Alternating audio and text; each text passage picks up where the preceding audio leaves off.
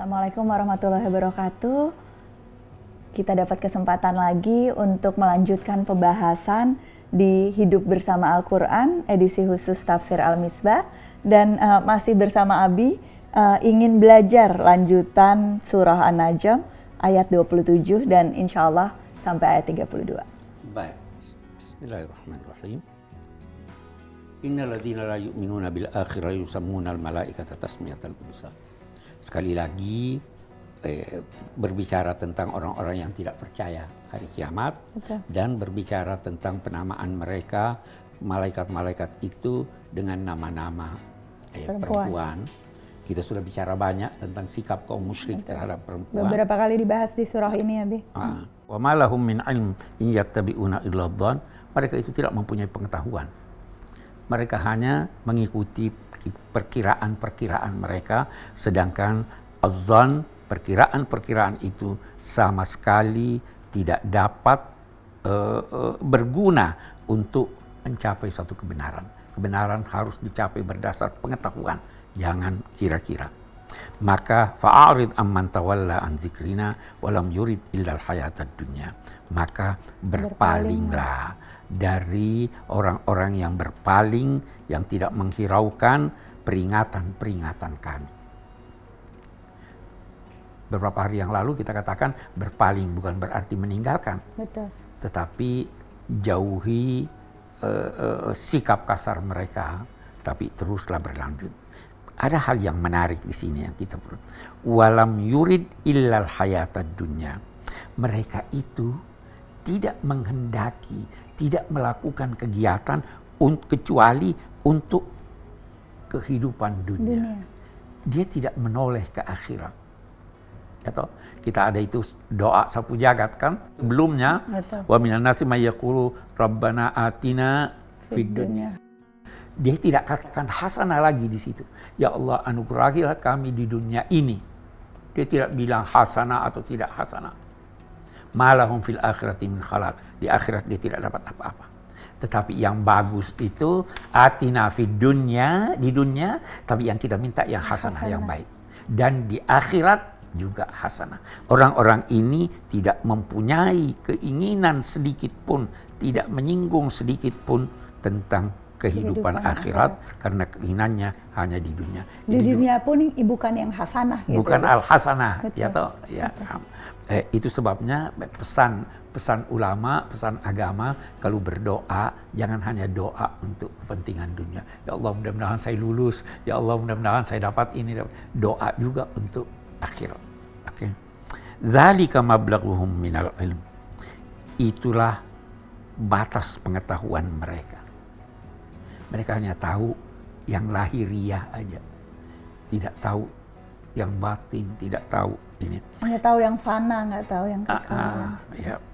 Inna rabbaka huwa a'lamu biman dhalla an sabilihi wa huwa a'lamu biman ihtada. Baik ini.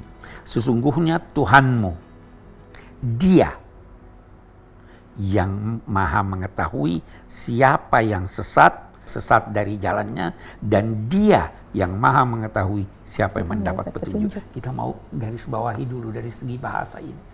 Sebenarnya kalau dari segi bahasa kita bisa berkata Tuhan maha mengetahui siapa yang sesat, siapa kan sudah lurus itu. Tapi ayat ini berkata sungguhnya Tuhanmu dia yang maha. Kenapa ada kata dia? Menegaskan eh, lagi tentang Artinya pilihan. tidak ada yang lain Lain. yang lebih tahu dari Tuhan. Biasanya kalau Tuhan menunjuk dirinya dengan kata aku, maka itu tidak ada selainnya. Anak tawabur rahim. Aku yang menerima taubat. Ketika Tuhan berbicara tentang penciptaan manusia, reproduksi, dia menyatakan laqad khalaqnal insan. Sesungguhnya kami telah menciptakan manusia. Karena ibu bapak berperan. berperan. Tetapi waktu Adam tidak ada punya ibu bapak. Dia katakan, ma mana aka antas juda lima khalaqtu. Ah. Ya toh, aku yang mencipta. Oke, baik. Jadi Hanya dia yang tahu siapa yang sesat dari jalannya dan hanya dia yang maha mengetahui siapa yang memberi petunjuk. Udah deh, tidak usah tuduh orang kamu sesat atau tidak sesat. Kamu jangan menganggap diri kamu lebih baik dari diri orang lain. Jadi nggak nggak boleh mengaku suci, nggak Ya. boleh uh, menyatakan orang lain uh, salah, tapi di satu sisi pada saat kita berhadapan pada orang-orang yang keras kepala, yang mencemooh kita, itu juga tidak seharusnya kita membalasnya dengan uh, sikap yang serupa. Ya, betul. Oke, Itulah akhlak. itu akhlak. Terus dikatakan walillahi ma fis samawati wa ma fil ard. Lillah milik Allah, ciptaan Allah, pengaturan Allah. Itu kalau kita berkata lillah milik Allah, dia yang mencipta, dia yang mengatur, dia yang memiliki. Milik Allah apa yang di langit, semua langit dan apa yang di bumi liyajziyalladzina amanu bima amilu. Dan pada akhirnya dampak dari kepemilikannya itu pengaturannya itu adalah dia akan memberi balasan orang-orang yang berbuat keburukan bima amilu balasan sesuai dengan amal mereka wayajziyalladzina ahsanu bil husna dan memberi balasan orang-orang yang berbuat baik dengan balasan kebaikan. Jadi jadi ini tuh menjadi penjelasan tambahan dari ayat sebelumnya ya. Di ayat Ya. sebelumnya kan seolah-olah Allah udah tahu siapa yang sesat, siapa yang sebetulnya berada di jalan yang benar, tetapi di sini kemudian ditegaskan bahwa manusia punya pilihan dan yang Ya. kemudian diberikan Allah itu ya balasan atas pilihannya Betul. dia.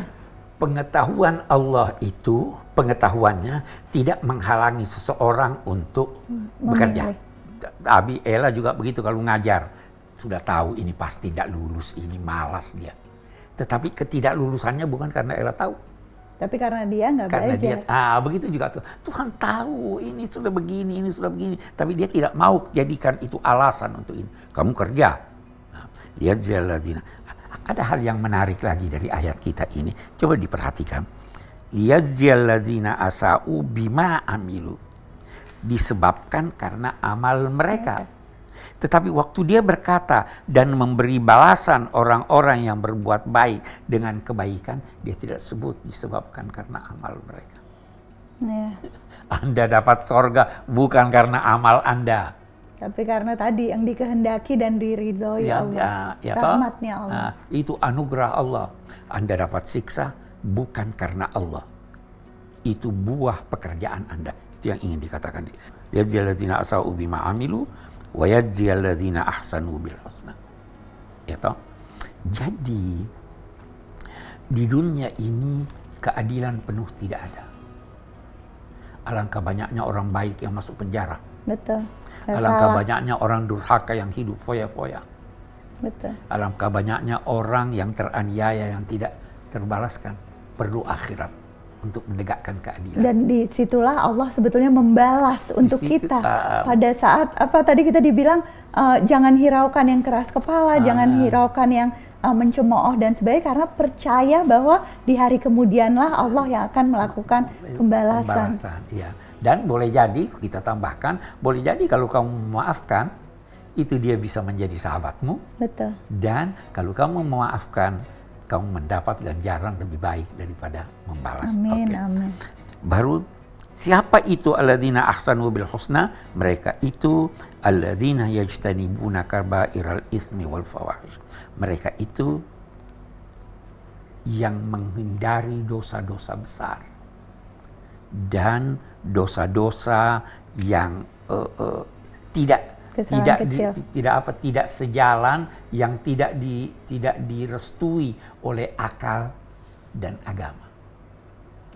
Dosa besar itu banyak puncaknya mempersekutukan Tuhan, membunuh, durhaka pada orang tua, itu dosa-dosa besar.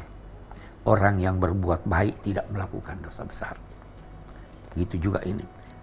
Illal lamam. Ah, ini di sini. Kecuali yang mereka lakukan itu al-lamam, dosa-dosa kecil. Tidak ada orang yang luput dari dosa. Nggak ada yang suci, nggak ada Tidak yang nggak ada pernah yang suci, berdosa. tidak ada. Kecuali yang mereka lakukan itu dosa-dosa kecil. Dosa-dosa kecil yang mereka lakukan itu dihadapi oleh Tuhan dengan pengampunan. Kenapa? Karena sesungguhnya Tuhanmu amat luas pengampunannya. Amin. Boleh jadi dia tidak minta maaf, dia tidak tobat. Tetapi karena dia melakukan amal baik, diampuni Tuhan. Ada seorang datang pada Nabi, wahai Nabi, saya melakukan ini, melakukan ini. Nabi pura-pura tidak dengar. Wahai Nabi, saya melakukan ini. Dengar, pergi sholat. Kembali sholat, ya Nabi, saya melakukan ini, saya melakukan dosa ini. Dan dia sebut dosa kecil. Terus Nabi berkata, kamu tadi sudah sholat atau belum? Sudah, sudah diampuni Tuhan. Tuhan maha pengampun. Inna rabbaka wasi'ul maghfirah. Huwa a'lamu bikum in ansha'akum minal ard. Dia yang maha mengetahui tentang kamu ketika kamu diciptakannya dari tanah. Dan mengetahui keadaan kamu sewaktu kamu menjadi janin.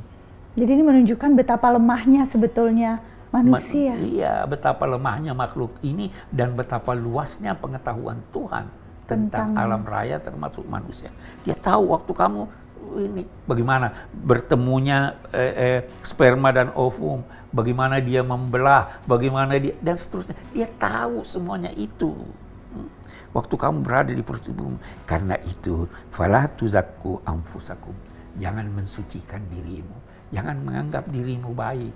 Semua orang punya kekurangan. Kadang-kadang Hmm. uh, melakukan dosa kecil yang bahkan kita pun nggak sadar gitu ya. Oh, iya, apalagi kalau tidak sadar ya. Betul, betul. Yang sadar pun kalau kecil terbuka sekali kemungkinan. Tuhan Walaupun maaf, bukan berarti boleh dilakukan ya, ya, Bukan boleh, boleh dilakukan. Hanya ini kita perlu sampaikan karena ada orang sering kali nakut-nakuti. Betul, Ya, betul. kita tidak mau Tuhan maha pengampun. Di satu sisi ada juga orang yang sering kali merasa uh, suci atau mengumbar pengalaman rohaninya uh, secara berlebihan. Ini ada pertanyaan, Bi. Ah. Ada pertanyaan dari uh, uh, apa uh, remaja ini sebetulnya yang uh, bertanya ada Keisha namanya, apakah boleh menceritakan pengalaman spiritual pribadi kepada orang lain? Tujuannya katanya supaya jadi motivasi. Nah, tapi uh, Ella mau kasih kesempatan untuk uh, Dr. Ina Salma Febriani. Dr. Ina Salma Febriani ini adalah alumnus dari Pendidikan Kader Mufasir Pusat Studi Al-Quran. Silahkan Ustazah dibalas pertanyaan dari Keisha. Assalamualaikum warahmatullahi wabarakatuh.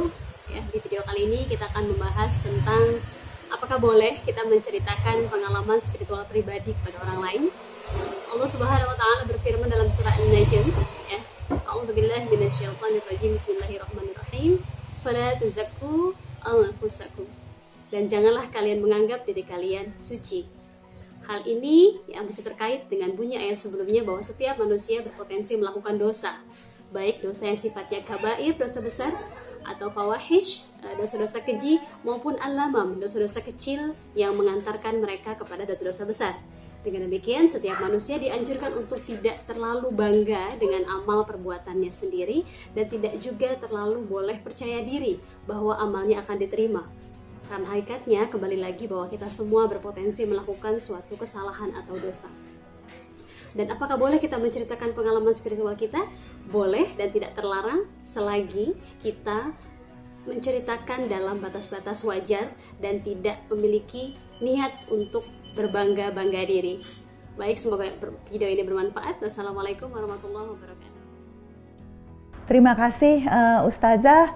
Semoga uh, Keisha mendapat jawaban yang memuaskan dan jadi pelajaran untuk kita, untuk yang uh, ingin mengenal lebih jauh dan belajar lebih jauh dari Ustazah Ina, silahkan cek di cariustad.id.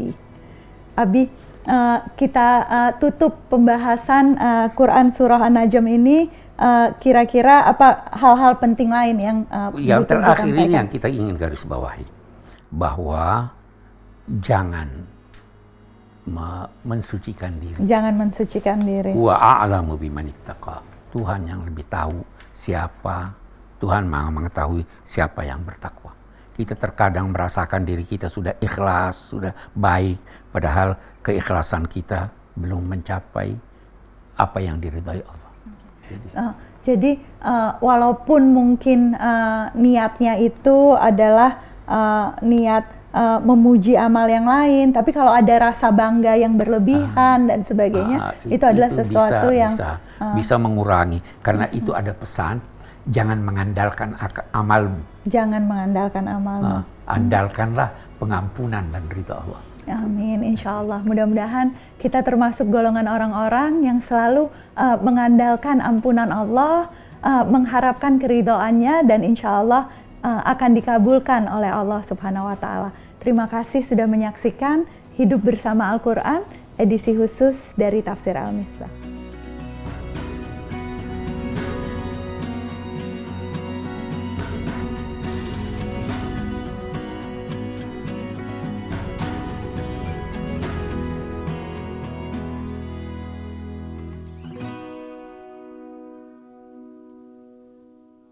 Pendidikan Kader Mufasir adalah salah satu program dari Pusat Studi Al-Quran.